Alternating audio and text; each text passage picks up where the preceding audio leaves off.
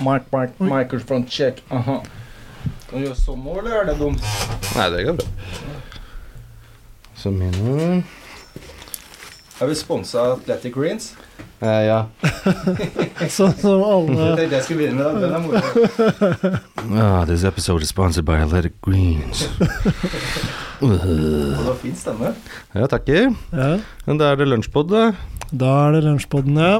Yes. Ja. Så skjer gutta. jeg har hatt en fantastisk eh, lunsj, da. Jeg satt nedi og fikk eh, noe som lignet på fastelavnsbolle nede i kantina. Har du vært i Mm. kantina, Erik? Jeg har vært i kantina mange ganger oppover. Men har du vært der i dag? Yes. Du var der i dag. for Ble det fastelavn... Det var ikke fastelavnsbolle, men det var en bolle. Sem semle var det. Semble. Sem, tror det heter. En masse sånn der krem og godsaker. Ja, det var litt sånn sjokolade-ish eh, krem på toppen. Ja, den var god. Jeg, hopp, jeg hoppet over med vilje. Gjorde du det? Hvorfor det? Tok heller en dobbel porsjon med shepherd's pie Ja. eh, og to egg. For jeg tenker alltid som regel at eh, det er bedre med dobbel middag enn middag og dessert. D dobbel middag, enn middag og dessert. Altså, du er ikke noen dessertperson. Absolutt ikke. Hvorfor ikke? Eh, jeg liker eh, umami-smaken. Mm. Det står mitt hjerte nær, så den finner jeg ikke i dessert. Nei, ikke Så sant? det er heller eh, to porsjoner middag enn eh, middag og dessert. Ja, ja. Mm. Jeg, jeg, tidligere så har jeg vært veldig dessertperson. Så jeg har alltid satt pris på liksom og Uansett hva det er av dessert, så å si, med mindre det er noe jeg virkelig ikke liker, så, så har jeg veldig satt pris på dessert. Eh, men i det siste så har jeg blitt mer glad i middag, så lenge det er god middag, da. Mm. Det må være skikkelig god middag. Middag kan være en forrett og en hovedrett og en dessert i ett. Det kan det. Hvis det er ordentlig bra middag, så kan det være det. Uh, men jeg er fremdeles dessertperson. Altså. Okay. Har, har du prøvd uh, ost som dessert? Ost og kjeks og brie og druer og Altså litt ostefat. ah. Vi Så- pleier å ha det som hovedrett iblant, Så kan du ha to middag og ost etterpå. Ja. Ja. ja, vi pleier å ha det som hovedrett, vi. Dama tar frem det. Så vi kan jo bare spise det til middag, for jeg har alltid tenkt på det som dessert. Men hun liksom tar med masse ost og masse kjeks og bare skal ha det her som en hovedrett, da. Det Ja. funker, det òg. Det, fun det, blir jo, det er jo innmari mye energi i ost, da. Mm. Det er jo Ja. Det, du, spiser du liksom en hel ost, da, hvor mye Det, det er jo nok kilokalorier for Ja, For en dag, det. Feel the cheese energy. Eh, Men jeg hadde jo et sted jeg skulle gå da med dette sammendraget. Ja.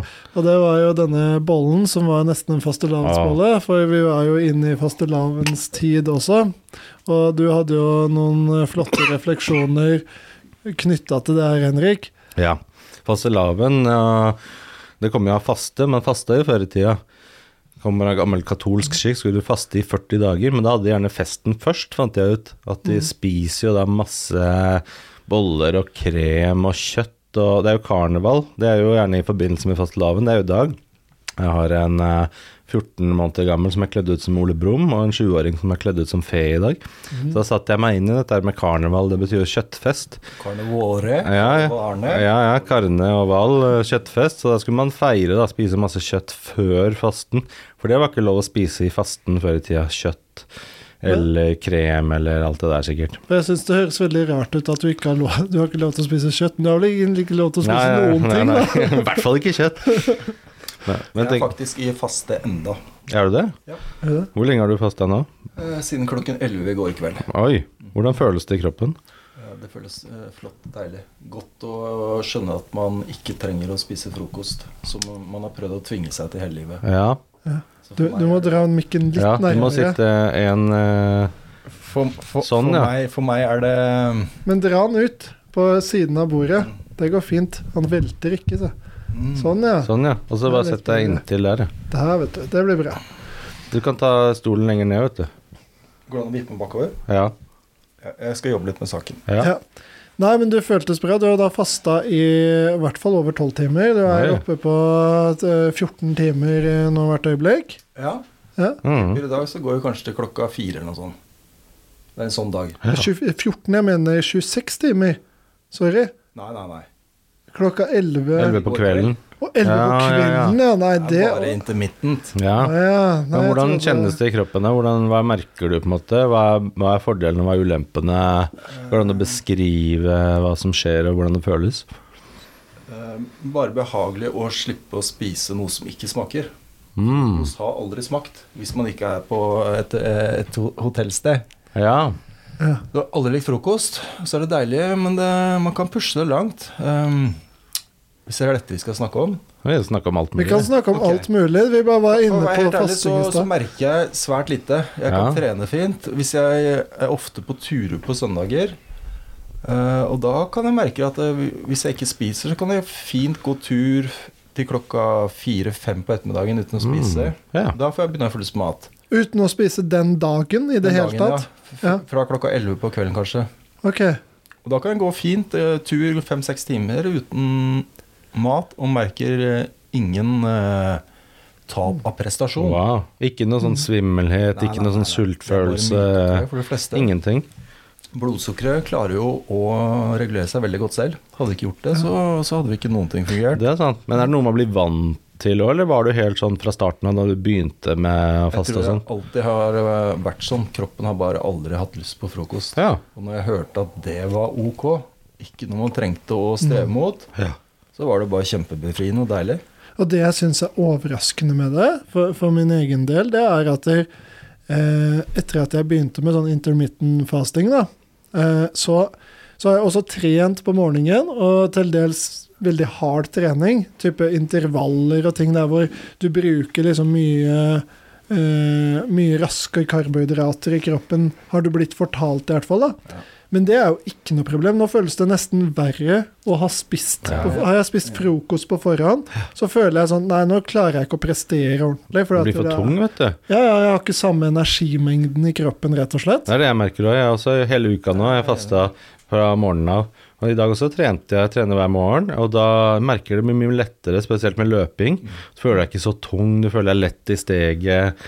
Helt annerledes. Og jeg mangler ikke noe energi heller. Det kan jeg ingenting om, men kanskje det er bra, for hvis du hadde spist, så hadde du fått masse blod inn i innvollene. Ja. Mm. Hvis du ikke Kanskje det er derfor det føles. For jeg også merker at jeg tror ikke jeg har noe mindre energi. Nesten motsatt. Ja, jeg føler nesten at jeg har mer energi. I hvert fall så bruker For jeg hadde en løpetur i forrige uke, så løpte jeg da til jobb og fra jobb. Og så på vei til jobb, ikke noe mat. Mm. Føltes kjempefint. Ikke noe problem i det hele tatt. Tipp topp. På vei hjem igjen så hadde jeg jo spist lunsj, og ganske stor lunsj. Det er jo god lunsj her på Skullerøy, ikke sant. Eh, og da følte jeg meg tyngre i kroppen. Mm. Jeg løp riktignok litt fortere, men ikke så mye fortere. Men jeg følte meg tyngre i kroppen på vei hjem enn på vei til. Ja. Og da tenker jeg at Og vanligvis gjør jeg ikke det, jeg er jo B-menneske og sånn, så Ja, ja. kroppen min funker egentlig bedre litt utover dagen, stort sett.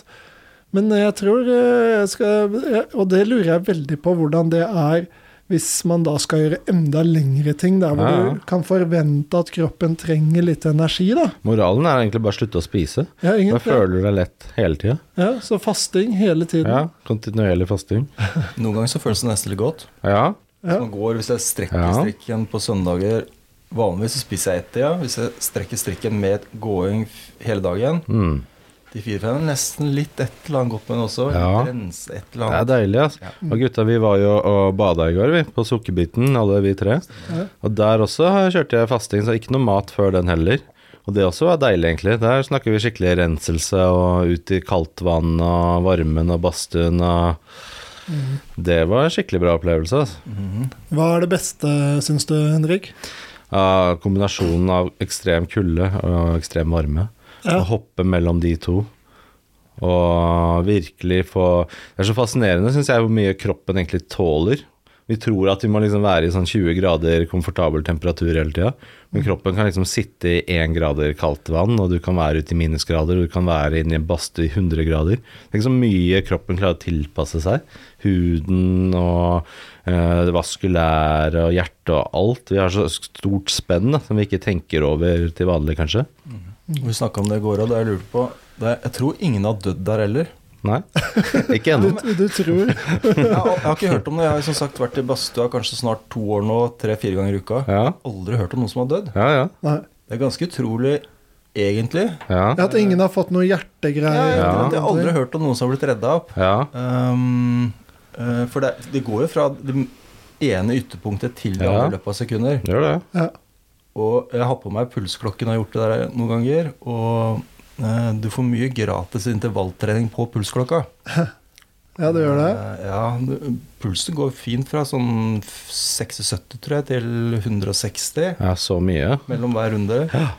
160. Jeg Har vært oppi det noen ganger. eh, Men, det, Men hva gjør du da? Sitter og svetter. Eh, Da tror jeg man er ute i vannet. Ja, ja, Når ja. man kommer fra badstua og ut i vannet. Da skyter pulsen opp.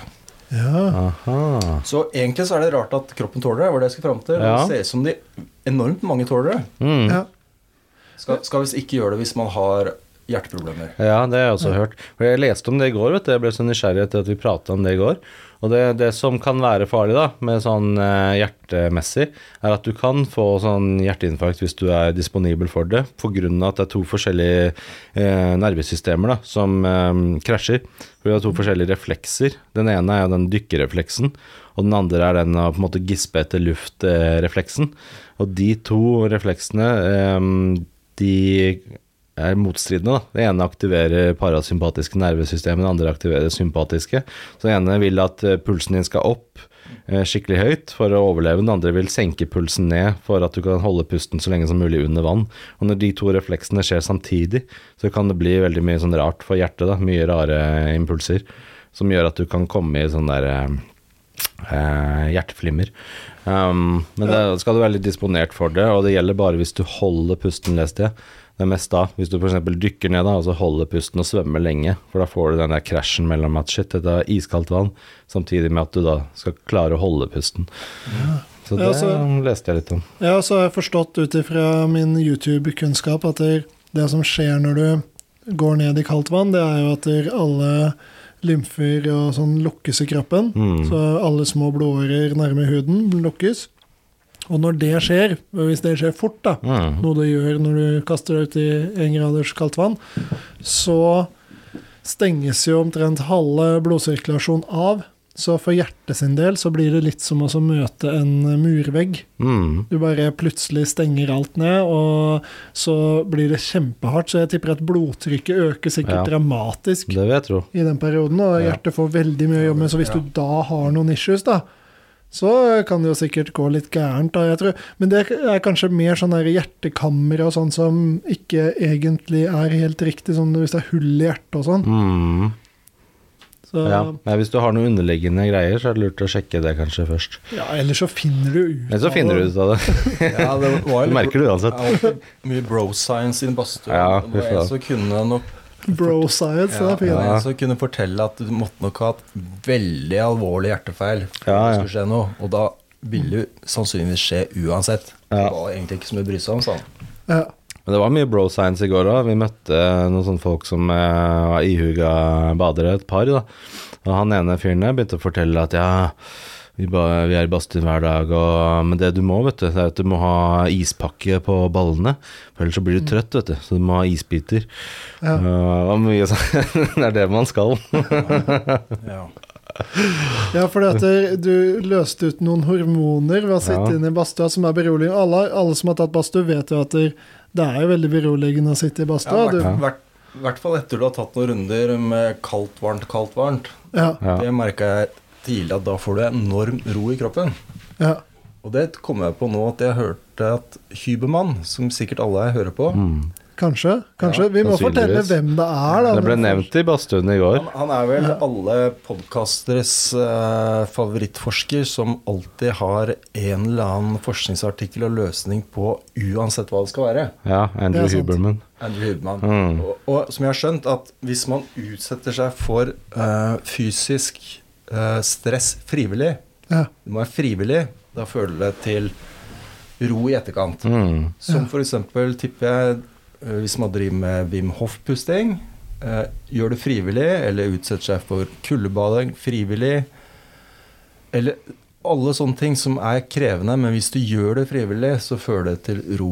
Mm. Um, hvis du ikke gjør det frivillig, så fører det absolutt ikke til ro. Ja. ja, den frivilligheten er nøkkelen. Så det tror jeg fant dukka opp i hjernen nå. Svaret kanskje på hvorfor uh, man blir så rolig av badstue og kaldbad som man gjorde i går. Ja. Kanskje det er fordi man utsetter seg for ekstreme ytterpunkter og stress frivillig. Mm. Men dette kan jeg ingenting om. ja, ja. Men det er mye erfaringsbasert kunnskap òg, som er Ja, det er eh, bro science, da, kanskje? Ja, ja, det blir jo det. Nei, det er ikke bare erfaring, det er kanskje til og med mer enn det. det er, Ja, ja, dette er jo forska på. Ja. Så Ja. man vet jo at det, eh, disse tingene løser ut hormoner i kroppen, og at Ja. det skjer ting med Heat up protein. Ja, Ja, ja. ban bananfluene lever Mm. jo 15% lengre, som, Mm. uh, som blir utsatt for varme. Ja. Kult. Mm. Det er ganske jeg, jeg sykt. har satt meg mye inn i badstue, faktisk. Mm. For alle som kommer i badstue, vil du finne ut om det er løsning på det meste. Mm. Um, ja. Mm. Det er du som har fått oss til å begynne med Oslo Badstueforening og dro oss ned dit. ja. Så det var skikkelig opplevelse, altså. For før det bada vi kun i kaldt vann. vi. Ja. Vi hadde ikke det varmeaspektet. Vi bada er- oppi nøklevann. ja. Det var det eneste vi gjorde. Men så sa du at ja, men det går an å få varme òg. Og så Ja. tenkte vi oi, da gikk det opp et lys. Det er jo veldig mye enklere, da. Ja. Veldig behagelig. Det er kjempedeilig. Det anbefales til alle som lytter på nå. Prøv Oslo Badstueforening nede i byen, på Sukkerbiten. Ja, Får du et nytt liv? Det er kjempedeilig. Ja, så er det jo en veldig lett vei til altså, å teste ut disse ytterpunktene. da. Fordi du kan alltid varme deg opp i badstua etterpå. Mm. Så det er mye verre hvis du går ut og bader i kaldt vann, og så må du egentlig varme opp kroppen din helt på egen hånd Mm. etterpå. Det er jo Det, det er litt tøft. Mens eh, når du har badstua, så ordner det seg. Det, det som jeg syns er ganske sykt med badstue, det er at det, når du har vært ute i det kalde vannet, så hvor kald kroppen blir når du går inn i badstua, når ting Mm. åpnes opp. Da du merker det. Ja. Så Mm. det, for meg er det nesten sånn jeg kan begynne å skjelve Ja. når jeg går inn i badstua, for det at det, det, det, jeg merker at da blir kroppen ordentlig kald. Det Da. er det kalde blodet, vet du, som begynner å Mm. sirkulere. Ja. Men uh, det som er litt moro, tror jeg, er at eh, det er overraskende enkelt å isbade hvis du har støtte av badstue. Ja. Ja. Jeg tror alle som tør å prøve, kommer til å skjønne at det der er egentlig ganske piece of cake. ja, det er det. Når man, som jeg sier, når man har kjernetemperatur som en juleribbe i ovnen, da er det ganske veldig enkelt å gå litt ut i vannet, altså. Men uh, det, jeg bare tenker på tilbake selv, eh, før vi begynte med alt dette her, før jeg visste om dette her, så tenkte jeg alltid oh shit, det er så ekstremt å gå ut i vannet på vinteren, og det kunne jeg aldri gjort, og det føltes helt sånn utenkelig, husker jeg tilbake da. Uh, Altfor høy terskel å gjøre det, mens nå føles det bare sånn, det er ikke noe annet jeg heller vil på en måte, jeg vil bare ut i det vannet.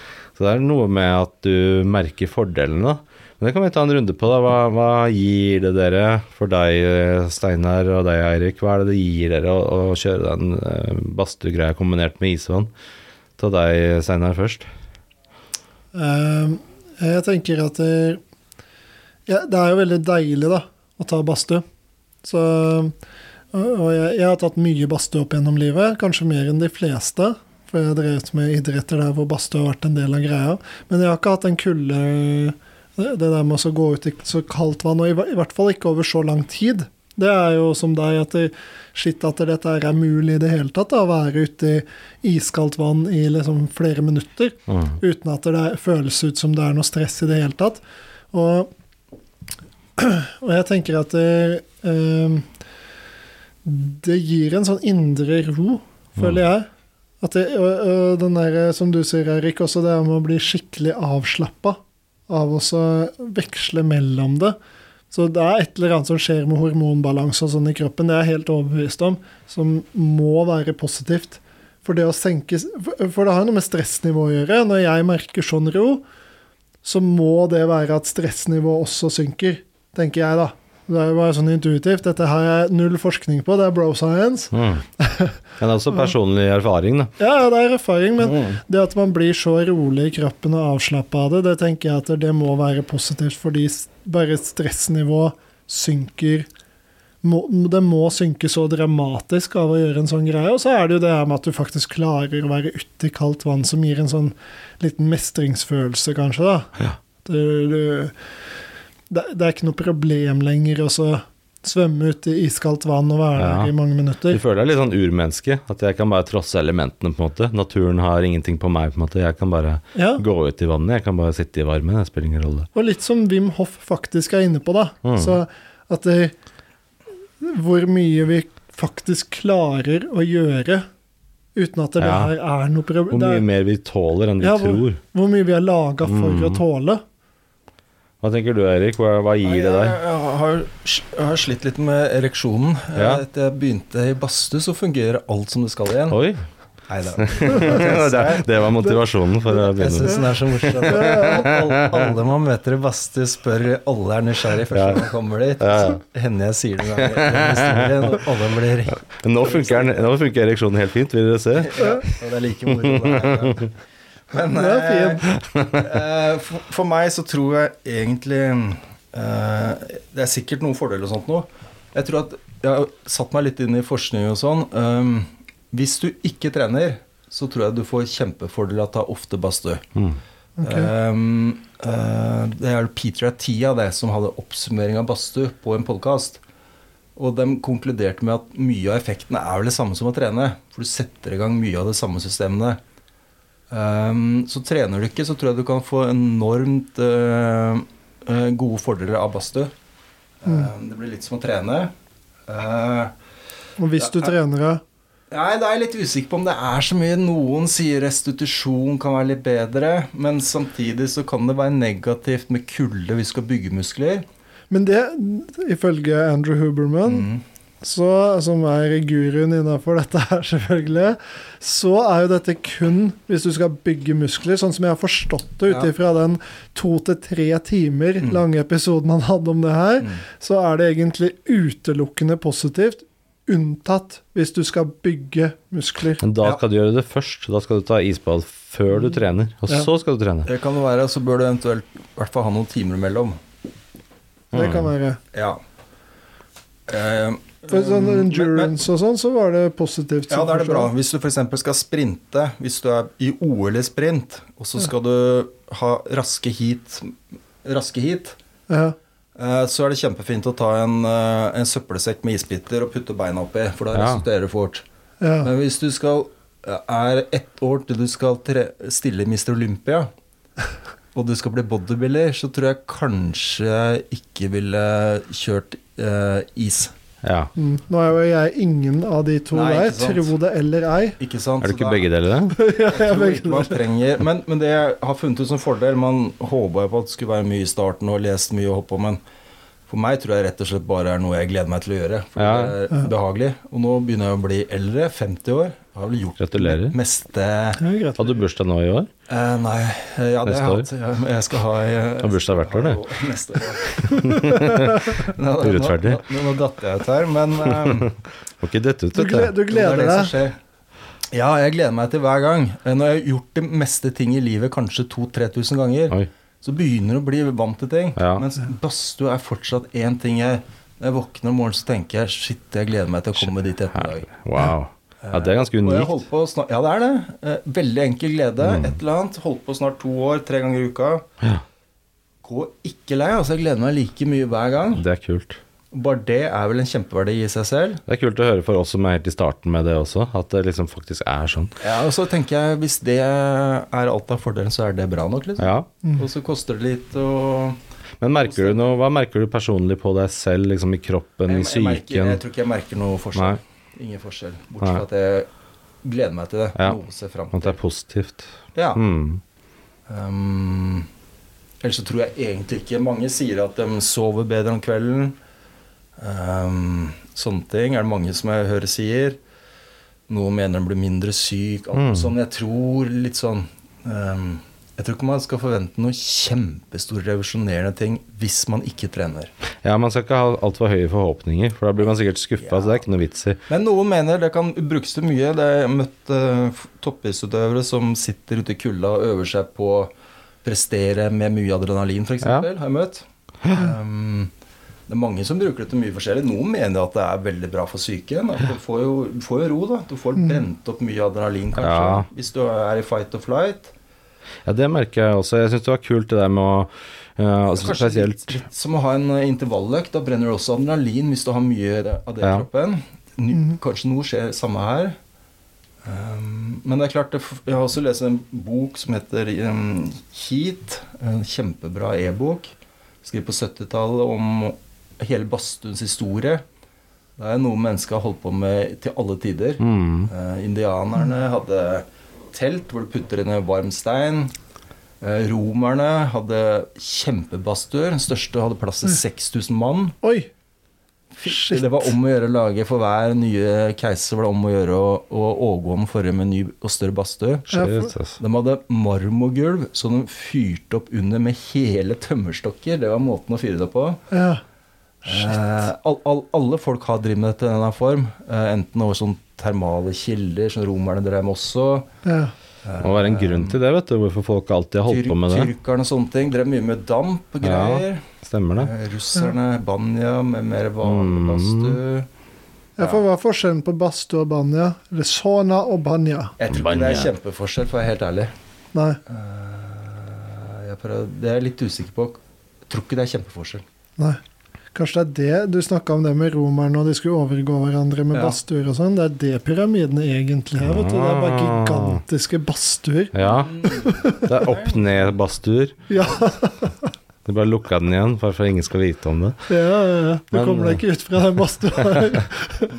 En Fordelen jeg opplevde, da, det var den der ekstreme roen, merker jeg, med en gang jeg er ferdig. Der pulsen bare senker seg skikkelig. Jeg satt på kontoret med puls på 40. Mm. Helt sånn salig og fin i kroppen, det merker jeg. Og så likte jeg også den der eh, å sette seg ut i isvannet. Og Denne mentale styrken som du jobber med da, når det gjør skikkelig vondt i hendene. og Det er liksom smerte, da. Sitter der i fem minutter, men allikevel overkomme det. da, Å sitte der og jobbe med seg selv, med, det, med at du går frivillig ut i det kalde vannet og overkommer den terskelen det er. da, Mm. Og at du blir liksom stolt av deg selv, du får mestringsfølelsen, og så inn i varmen. Det gjør, eh, det gjør mye, altså. Det gjør mye godt. Ja, um, jeg, der er sånn tips òg, da, som vi må ta på tampen her. At det er, eh, For hvis man skal bade i kaldt vann, så det gjør det så mye lettere hvis du har sko og hansker. Mm. For da slipper du at det gjør sånn at du får vondt på hendene og Mm. og kroppen din fikser det her helt fint. Det er Mm. ikke noe problem i det hele tatt.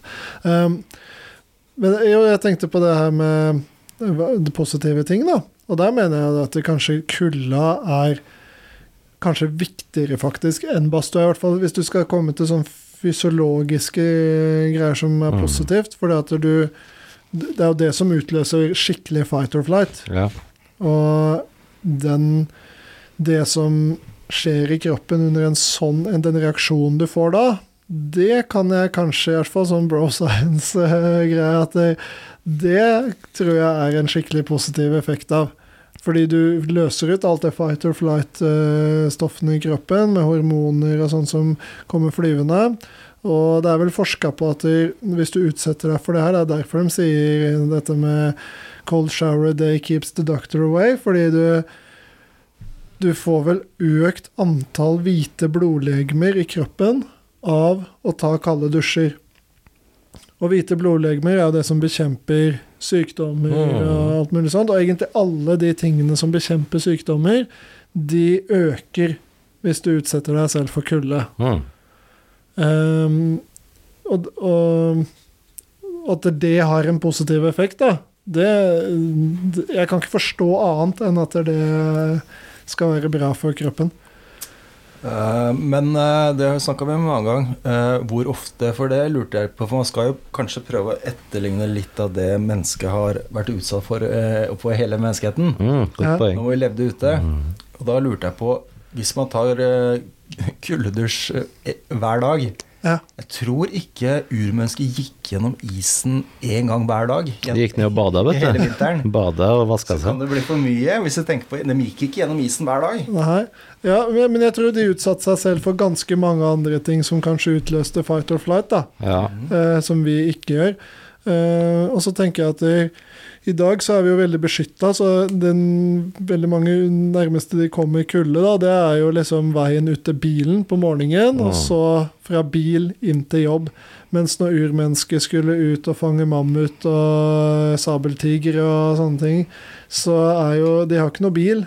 Så Og så har de ikke like Altså de hadde selvfølgelig hadde veldig mange bra klær og sånn sikkert for den tiden, men ikke sånn som vi har nå, hvor Jo, du pakker deg inn. Tror du ikke det? En mammutpels er sikkert bedre enn Men først måtte du fange den mammuten for å lage den pelsen. Men jeg tipper du får ikke noe bedre enn mammutpels, altså. Nei, det, det kan, ja, jeg vet ikke hvor god den er å jakte i, da, men uh, uansett så tenker jeg at det, det Ull, ull og mammutpels, jeg tipper det slår eh, Men så kommer hulenaboen din og stjeler mammutpelsen, vet du. Og da må du fortsatt ut og jakte. det, Så det å liksom klare det og håndtere elementene Det er litt sånn Bimhoff-greie også, Oi, at Nå fikk det jeg stormvarsel på klokka mi. Stormvarsel. Ja, Shit. faktisk. Og Er det storm? Barometeret. Ja, lavtrykk på gang. Lavtrykk, ja. Det er kjipt, for jeg skal sykle hjem etterpå, så det er eh, Det er en mil men, på sykkelen. men det du sa da, det eneste med i hvert fall varme har en uh, eh, fordel som uh, kulde ikke har, og det er heat shock protein, som Ja. du snakker om. Men det leste jeg om i går òg, at det gjelder kulde også. Nei. Ja, men det sto det Hmm. på nettet at det, hvis du utsetter deg for ekstreme temperaturer, både i form av kaldt og varmt Det er bare varme, altså, Ja. som den frigjøres. Ja, da må du lese litt mer om Det Det er en slags protein da, som flyr rundt og er bra til å reparere skade. da. Ja, Og de okay. tror det kom i forbindelse hvis folk ble utsatt for uh, fløyt ut i ørkenen et eller annet, f.eks. da. ja. Okay. Uh, og så må, måtte det repareres etterpå. Ja. Eh, det er vel teorien bak det. ja. Hva er det det skal være bra for? Ja? Nei, jeg tror det er bra til å reparere de fleste celler. Men dette er fort sånn name-dropping. da, som Ja. alle et eller annet. Også, jeg har jo selv aldri gått med en mikroskop og sett et heat shock proteins. Nei, nei. Nei, nei. Det er jo noe snakk om det også. Hvor Men hva det er å sier- ting og tro og, ta videre. Men hva sier orakelet om det, Huberman? Nei, dem er jo veldig for dette her. Det er jo den bananflua da, som Ja. lever eh, 15 lengre. Ja, på grunn av det? Det tror jeg er greia. Mm. Men i hvert fall, hvis vi skal Det er i hvert fall Når det gjelder forskning på badstue, så er det visst én stor finn studie som går for å være veldig bra. Så det er ikke bare små tullestudier. Ja. Det er visst én virkelig stor studie som er gjort i Finland, som, eh, som er eh, Som er visst en veldig stor og veldig bra studie. Og den viser jo at dø Jeg synes det, det jeg alltid lurt på, da. Dødeligheten minsker med 40-50 hvis du tar badstue. Men Oi. jeg, skjønner aldri helt hvordan man måler dødelighet, for å være helt ærlig. Men um, det er en term, da. Men er det liksom, da er det hjertekaret og den greia der, da, sikkert? Ja, det er folk Og, det, og tar man det fire-fem ganger i så det er, det er ikke må, Det er sånn 40-50-60% mindre dødelighet for um, uh, For mye greier. Jeg vet ikke noe mer enn det. Jeg synes det Hvis man tar det nok, så dør man aldri, da. Kanskje er det Det synes jeg høres litt rart ut, det òg, men Jeg har alltid lurt på hvordan man regner den 40% mindre dødelighet. Men har de men, eh, forklart det med noen mekanismer, eller hva det Nei, er? Det vet jeg ikke, men i hvert fall Det er hvert fall Det er ikke noe tøys. Akkurat det greiene der er um, en kjempestor studie som er gjort. Og det, det er det klare tall på. Det er spennende. Men som de konkluderte med, da um, Det er mye som å trene. Ja. Så hvis du ikke trener og tar badstue fire-fem ganger i uka, så har du kjempefordeler av det. Ja. Jeg tror hvis du trener nesten hver dag, så er det ikke sikkert du har like stor fordel. Mm, da får du bare mer gleden av det, liksom. Ja. Sosialt òg, da. Mm. Ja, ja. Et eneste sted i Oslo du kan snakke med fremmede på en lett måte Ja. uten å være full. Ja, ja det merker jeg. Eh, Ja, ja, men det er mange som opplever det der. Du kan snakke med folk veldig enkelt. Litt som å gå med noen, kanskje. Ja. gjør en enkel ting, da er det lettere å snakke. Eller når du er på tur. Hvis du er på tur i fjellheimen, så får du litt samme effekten. Ja? For- absolutt. Rart, ass. Eh, eneste sted man kan snakke med fremmede, er i skogen. Eller, eller si hei til fremmede, er i skogen eller i badstua. Ja, er ikke det rart? Det merka vi i går og Steinar. Vi sto og tok sånn horse stand, som er å stå liksom i 90 grader hockey og se rar ut, Ja, det ser veldig rart ut. for å liksom få opp varmen. Men da merka vi at da kom det jo bort folk og spurte hva er det dere gjør, kan vi også bli med? Det hadde aldri skjedd noe som helst annet sted i byen. Ja, det er eneste stedet hvor du liksom kan gjøre sånne ting. Du kan sette deg ned og meditere, du kan gjøre ting der hvor det, det er helt naturlig å kunne mm. gjøre det, da. Jeg vet ikke hvor du, Her får du si noe, Eirik, om hvor naturlig dette her er. Det- Det er veldig naturlig. Mm. Nei, men eh, det tenker jeg også på. Hvorfor, det, det har jeg også tenkt på mange ganger. Hvorfor hilser man på folk i skogen? Det er en egen teori. Ja, Ja, der, der finnes det jo forskning, vet du. På hvorfor man hilser i skogen? Ja, ja, ja for det, det har de forska på. Men Ja, det- ta, ta jeg din teori først. Nei, min, tenk, min tanke er jo at uh, i skogen så er det andre regler som gjelder enn uh, ellers i samfunnet. Mm. Og det har det vært i alle tider. Eh, Så jeg tenker at eh, kanskje hvis du møtte en fremmed i skogen i gamle dager, så var det greit kanskje å hilse for å finne ut om det var en som var ute etter for å drepe deg eller ikke. Ja, venn eller fiende. Venn eller fiende. Så det er min teori. Ja. Og det har bare blitt som en greie at i skogen er det greit å sjekke ut eh, status til dem man møter. ja. Og da hilser man. Og det merker man fort. Ja, og det tipper jeg, for, for det jeg tenker det er helt andre regler som gjelder ute i skogen enn uh, i byen, f.eks. Og digresjonen der, det er derfor man håndhilser. Det var jo for å vise at man ikke har våpen i hånda. Ja. Og- Og, og så er det an, kommer fort opp andre ting òg, da. I, I skogen så må du lage det Det blir ikke moro, mer moro enn å gjøre det til selv. Ja. Mens i byen så blir det mer moro enn å gjøre det til selv. Ja. Og, eh, da kan jeg ta en ny fun fact apropos det med hilsing. For i militæret så hilser de jo liksom med å ta hånda opp til lua, ikke sant? Eh, det er samme konseptet. At du skulle vise at Og det er derfor i England så hilser du jo da med innsiden av hånda Mm. utover mot eh, motparten, for å vise at 'jeg har ikke noe våpen'. Det er derfor man hilser med hånda sånn. Så det er derfor du Men tror du det bygger litt under teorien min, eller? Jeg har tenkt ut Eh, helt selv. Nå eh, ja, Her har jeg litt forskning, skjønner du. Hva hører forskningen. Så nei, du har feil. Eller det kan hende du har litt rett, da, men, men eh, de har forska på det her, og det fins jeg, jeg mener at det er Tallet er syv. Eller noe sånt. Syv Nei, det var flere tall, men e- ett av dem var syv. Personer du møter i timen. Eh, så hvis det tallet er om det var ni eller syv eller et eller annet sånt. Mm. Hvis det er færre enn det av personer eller grupper Mm. som du møter i løpet av en time, så med en gang så øker den sannsynligheten for at det er naturlig å hilse på andre mennesker. Så, så hvis du hadde gått i Oslo by, da, og det ikke hadde vært en sjel der, og så plutselig, du hadde liksom gått i en halvtime, og så plutselig møter du en person, så hadde det blitt da også naturlig å hilse Ja. på den personen, rett og slett fordi du har vi er, vi er sosiale vesener, og vi har ikke møtt noen, så derfor hilser vi på folk. Men der har jeg en Og hvis det er innsigelse, mer enn det, så vil det ta for mye energi, rett og slett, å hilse på alle. Ja, eller om det på en måte Da faller det ikke naturlig, i hvert fall. Ja, Da. Så eller- eller- DNT var den som hadde en, noe forskning via noen andre, selvfølgelig, da, på akkurat det fenomenet med at man hilser i fjellet, da. Mm. Eh, og at det er mye mer naturlig. Rett og slett, det er så få mennesker at det, det blir Du knytter bånd på en annen måte. Men jeg tror det er noe i Eirik sin eh, teori der òg, fordi du kan også si et motargument mot den forskningen er å si at hvis du går i Oslo by seint sent på natta klokka to eller tre om natta, og det nesten ikke er noen der, og du møter egentlig bare ni personer på den timen du går rundt der, Da, da vil så- du kanskje ikke hilse. så går du ikke rundt og hilser på dem uansett, selv om det er færre enn ni. Så det er, det er, jeg tror det er litt sånn kontekstbasert. At du kanskje da i så fall er. Hvis du legger sammen de tingene som Eirik sier, og det teorien, eh, den forskningen sier, da, så er det mer kontekstbasert. Da, at du er vant til i skogen å ikke møte så og så mange, mens du er vant til i byen å møte veldig mange. Sånn at uh, det blir liksom en annen kontekst som du ser for deg. Og så har du liksom sivilisasjon versus natur. sånn Kultur versus natur. Det går jo et skille der for oss mennesker. Da At- kommer kommer man jo fort over i den greia at vi er skapt for å forholde oss til små flokker også, da.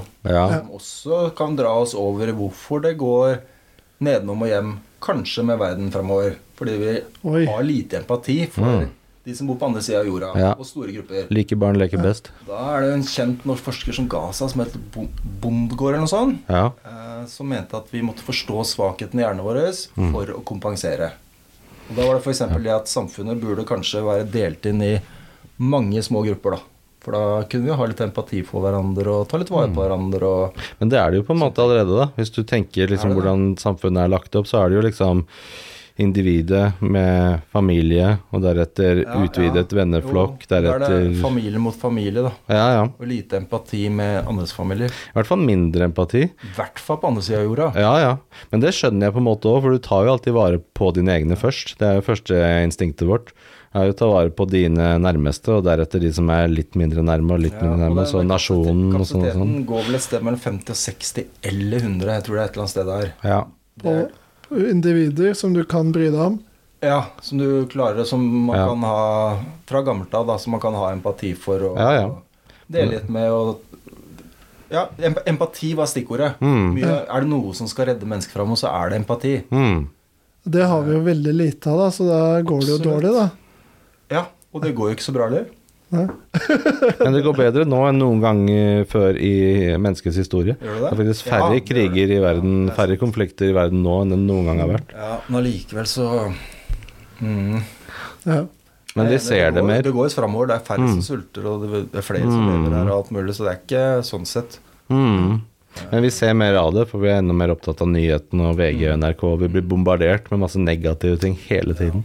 Nei da, men det var jo hilsing i skogen, da. Ja, ja, nå har vi vært innom mange temaer Men, her. eh, Ja, det er veldig bra. teorien din, altså. Det er klart det er greit, og, men den er lagd helt selv, så det er egentlig ganske det er veldig bra. Man kommer på mange ting når man går i skogen. Det er en fordel med skogen. Og jeg har vært At på du- Skal vi dra det opp på skogsbading, eller? Ja, Siden vi har vært skogsbading. Bading! Ja, Ja. skogsbading, jeg har vært på skogsbading noen ganger, jeg. Oi. Ja, og er det sånn type bading som Henrik og jeg har drevet med? Nei, det er det ikke. Det er to typer skogsbading. Det ene er vanlig badetjern, som man drev med som ung. Ja. Eh, Når jeg vokste opp, så var det tøffeste du kunne gjøre, var militærslup. Ja, Mm. Uh, Rett ned mot steinene. ja, med hodet først. deilig. Eh, våkner du, vet du. ja, og så, men den andre typen som har kommet da, fra Japan, heter shinjuku eller noe sånt. Shinjuku arigato. Som er faktisk at man tar med seg en mindfulness-tilstand. Eller være tilstedeværelse. At man rett og slett går inn i skogen og er til stede her og nå. eh, I skogen, som er elementene vi egentlig er skapt for å være sammen med i. Ja. Uh, og der er det veldig fint å være til stede og øve tilstedeværelse. Og det roer uh, nervesystemet. Så det har jeg vært noen ganger. Da går man sakte, sikkert. Kjenner hver skritt, tar på ting, lukter, hører lyder. Virkelig bringer seg tilbake til her og nå, akkurat som en isdusj. Mm, ja. deilig. Veldig deilig. Og det er mye japansk forskning eh, som er på dette med skogsbading. Og det er svære egne parker og egne løyper og alt mulig sånt noe, hvor man kan gå rundt og være til stede i naturen. Jeg merker det når jeg er i skogen. Da. Du blir et helt annet menneske. Bare å være i skogen, du roer deg ned, du ser på livet på en annen måte. Et eller annet sånn magisk som skjer der. Altså. Hvorfor? Jeg vet ikke. Jeg tror det er fordi du blir alene med deg selv litt. Eller du, på en positiv måte. At du er alene, men ikke ensom. Du, du er i skogen, du er i det naturlige miljøet som mennesker har vært i hundretusenvis av år før vi lagde byene våre. At det er et eller annet sånn back to nature. da. At det er mm. de primitive elementene som kroppen vår, genene våre, er vant til. Det er der vi stammer fra, på en måte. Hva er det Helge Ingstad sa? I skogen er jeg aldri alene. Ja. Mm. Ehm, det er for øvrig det du snakka om nå, med skogsbading. Det her må jo han Flesvig lage en sketsj på, for det høres jo vanvittig morsomt ut. Men, men utover det, da, så er jeg jo helt enig. At jeg, um, og det er jo mye av det jeg prata en annen podkast med Eventyrlig pappaperm, som jeg kjørte der hvor jeg gikk mye tur i skogen, og da merka jeg det at jeg, um, det er få steder hvor du blir så Mindful er det riktige ordet, egentlig. Altså, du er til stede, da. Mm. Uh, I øyeblikket. Og jeg husker, jeg husker spesielt én opplevelse der jeg og Celine hadde gått på en skikkelig fin tur ut i skogen. Det var sommer, fint vær, ikke sant. Vi har slengt opp hengekøya, jeg tror vi lagde litt mat ute. Alt er bare helt nydelig. Og så er vi på vei tilbake, da. Og kanskje ja, et par hundre meter ifra det du kan nærme deg sivilisasjon her, eh, med veier og sånn, så ringer dama, da, og lurer på et eller annet fra eh, Sitter i trafikken i Oslo, ikke sant? Og jeg merka hvor hardt det var å bli dratt ut ifra den tilstanden Ja. som hjernen er i når du Ja, er bare ja. helt avslappa. Alt er liksom Du er skikkelig til stede til det der bylivet som Mm. bare smeller som en knyttneve Ja. inn i hjernen. Jeg slår av mobilen jeg, i skogen. Ja, det er det man bør gjøre, vet du. Ja. Det var greit at jeg hadde den på da, jeg måtte hjelpe til med noe greier, men Mm. eh, det, det, det, var, det var helt ekstrem eh, forskjell. Ja. Og hvordan hjernen oppfatta disse tingene. Da. Hvordan jeg oppfatta det. At jeg, shit, nå ble jeg dratt vekk fra der jeg ønsket å være, for å si det sånn. Ja, jeg har snakket med en zen-munk, ekte zen-munk. Oi. eh, Buddhistisk zen-munk. Ja. Han, han hadde teori om at cellet ble mindre i skogen. Ja. Det var derfor man klarte å være mer til stede. For cellet ble, ble mindre. Ja. Spennende. Og så glemmer man tid. Det syns jeg er så deilig. Ta av seg klokka, ja. slå av mobilen. Tiden spiller ingen rolle. Og begge veier det der også. Noen ganger hvis du har mye å tenke på og blir satt ut i en stille skog, så kan det gå litt Ja, da møter du dine indre demoner. Ja, ja. Men det er også bra, da. Du burde møte dem. For det er eneste veien er at det kan slå litt begge veier, altså.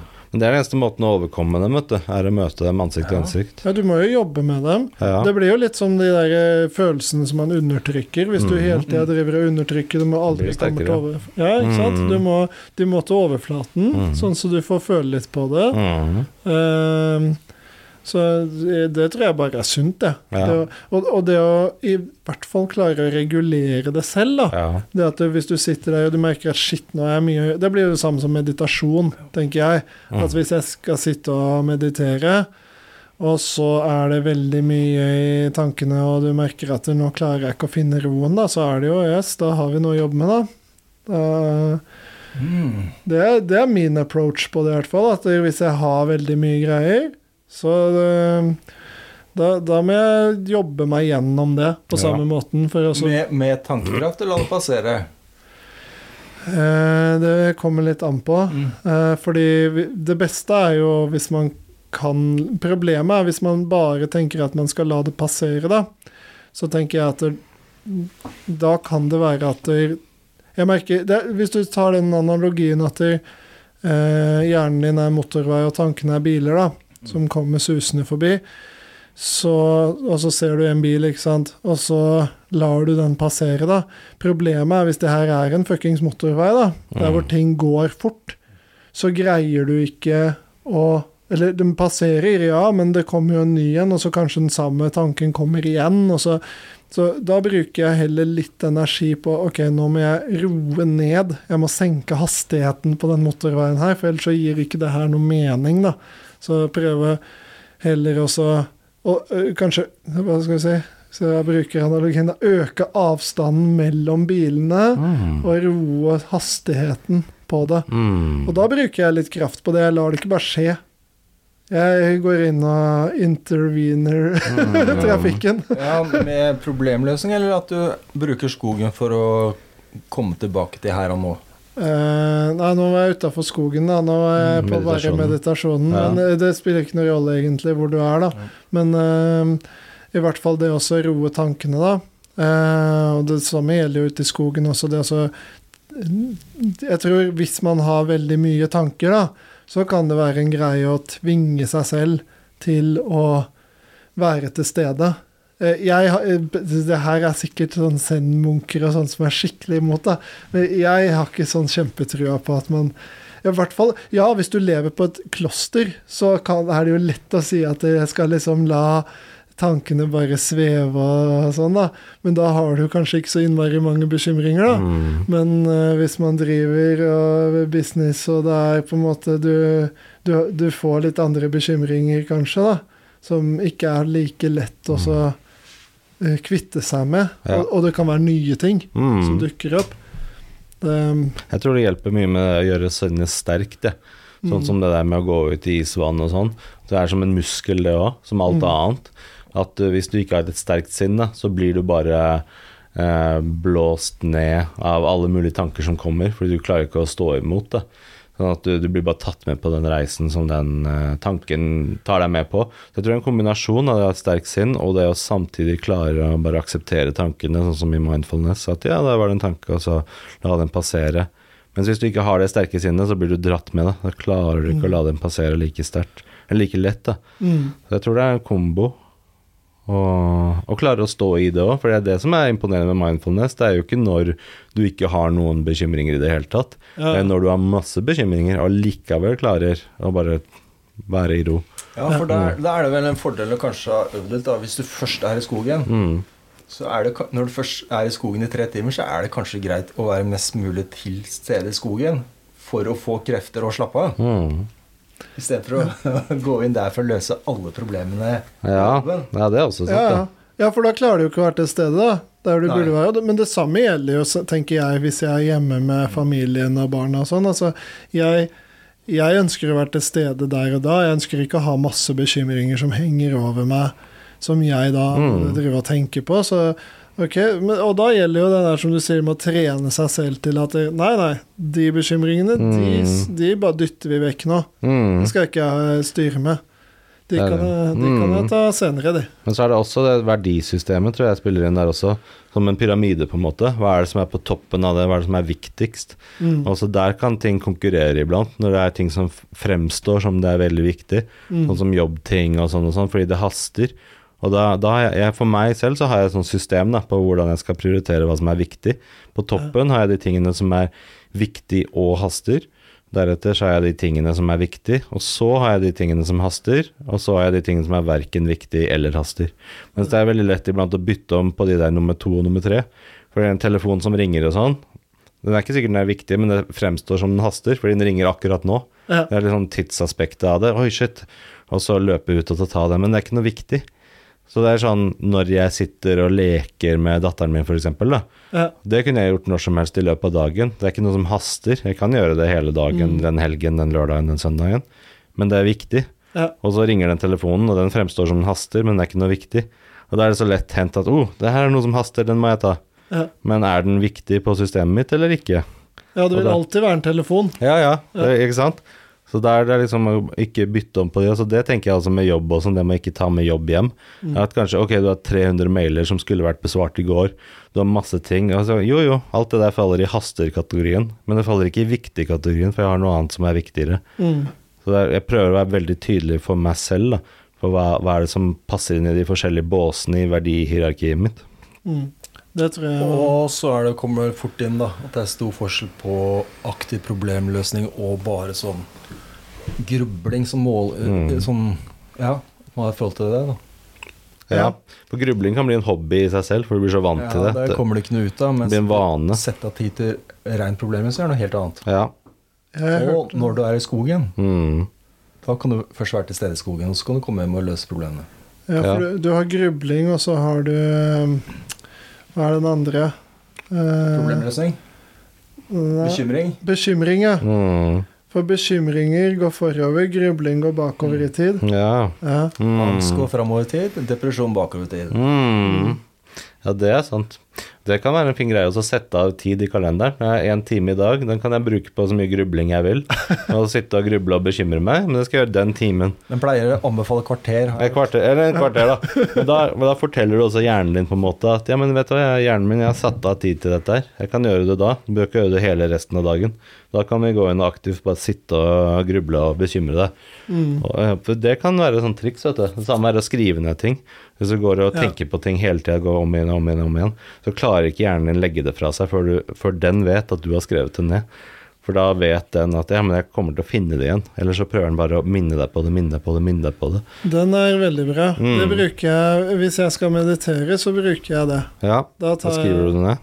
Ja, hvis det er noe som jeg vet at det her er ting som jeg tenker på, så prøver jeg heller å få det ned et eller annet sted hvor jeg kommer på det her senere. Mm. Eh, gjerne i kalenderen eller noe, der hvor jeg bare blir påminna på det. For da har, jeg, da har jeg lagt det bort, og jeg kan glemme det. Da Mm. kommer det til å dukke opp i morgen eller et eller annet. Mm. ikke sant? Eh, kan vi ta det når det kommer, og så kan jeg heller være til stede her og nå Ja, gjøre det jeg skal gjøre. ja, Gjøre jobben. ja. Det er viktig. ja. Det er så viktig å være til stede i livet. Det er det. Ja. Er det ja. Var det en fin eh, Bra, bra lunsjpod. Ja. Absolutt. Nå skal jeg ta meg litt Athletic Greens, jeg. Oi, Athletic Greens. Har du begynt på det, eller? Nei, men jeg leste den, det. Man blir jo frista.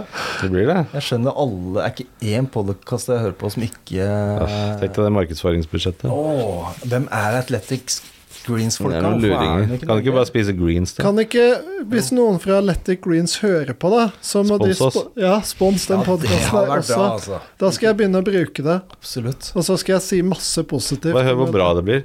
Denne podkasten er sponset av Athletic Greens. Den er, den er ikke den ennå, altså. Nei, ikke det. Men den kunne vært det. Men jeg, jeg, jeg har troen på å bare spise greens, jeg grønnsaker. Ja, Funker det òg? jeg har hørt Peter Atia anbefaler å spise green leaves, så Ja. jeg prøver å få i meg en pose med Med blader fra trærne. blader fra trærne. Gå og bare det er ikke plukke bare ut trærne. Det er, ikke, er det ikke trær? Det er jo spinat og sånn, Ja. Ja, det er godt. Ja. Det er godt på pizza, det. Bare ta en Pizza sånn med hvit pose, saus. akkurat så s- akkurat som å svelge noen vitaminpiller, liksom. Så bare få den ned, Ja. så er det gjort. Det er godt å, å steke det i panna, for da faller det sammen og blir veldig sånn Ja, smått. Tar ikke så mye plass. Mm. Hvis du tar det med pasta carbonara Åh, det er godt, vet du. Det, Det, enkleste er jo å bare ta en skje Athletic Greens, da. Ja. Det er faktisk tilbud på akkurat nå. Hvis du, hvis du bruker koden lunsjpodden, får du 30 Send til, på send til post at athleticgreens.com. Eh, så sender du lunsjpodden, så får du tilbake en rabattkode. fra en av oss, hvis vi orker. å Skrive den. nå må jeg komme meg av gårde, for nå skal jeg til Estrada og kjøpe noen røde mikrofoner. Ja, du skal det? ja. Ja det er verdt turen i seg selv, det. Ja, men takk for denne gang, gutta. Dette var bra. Det innbyr til mer. Yes. Mm. Ha det bra! Ha det. Ja. Ha det.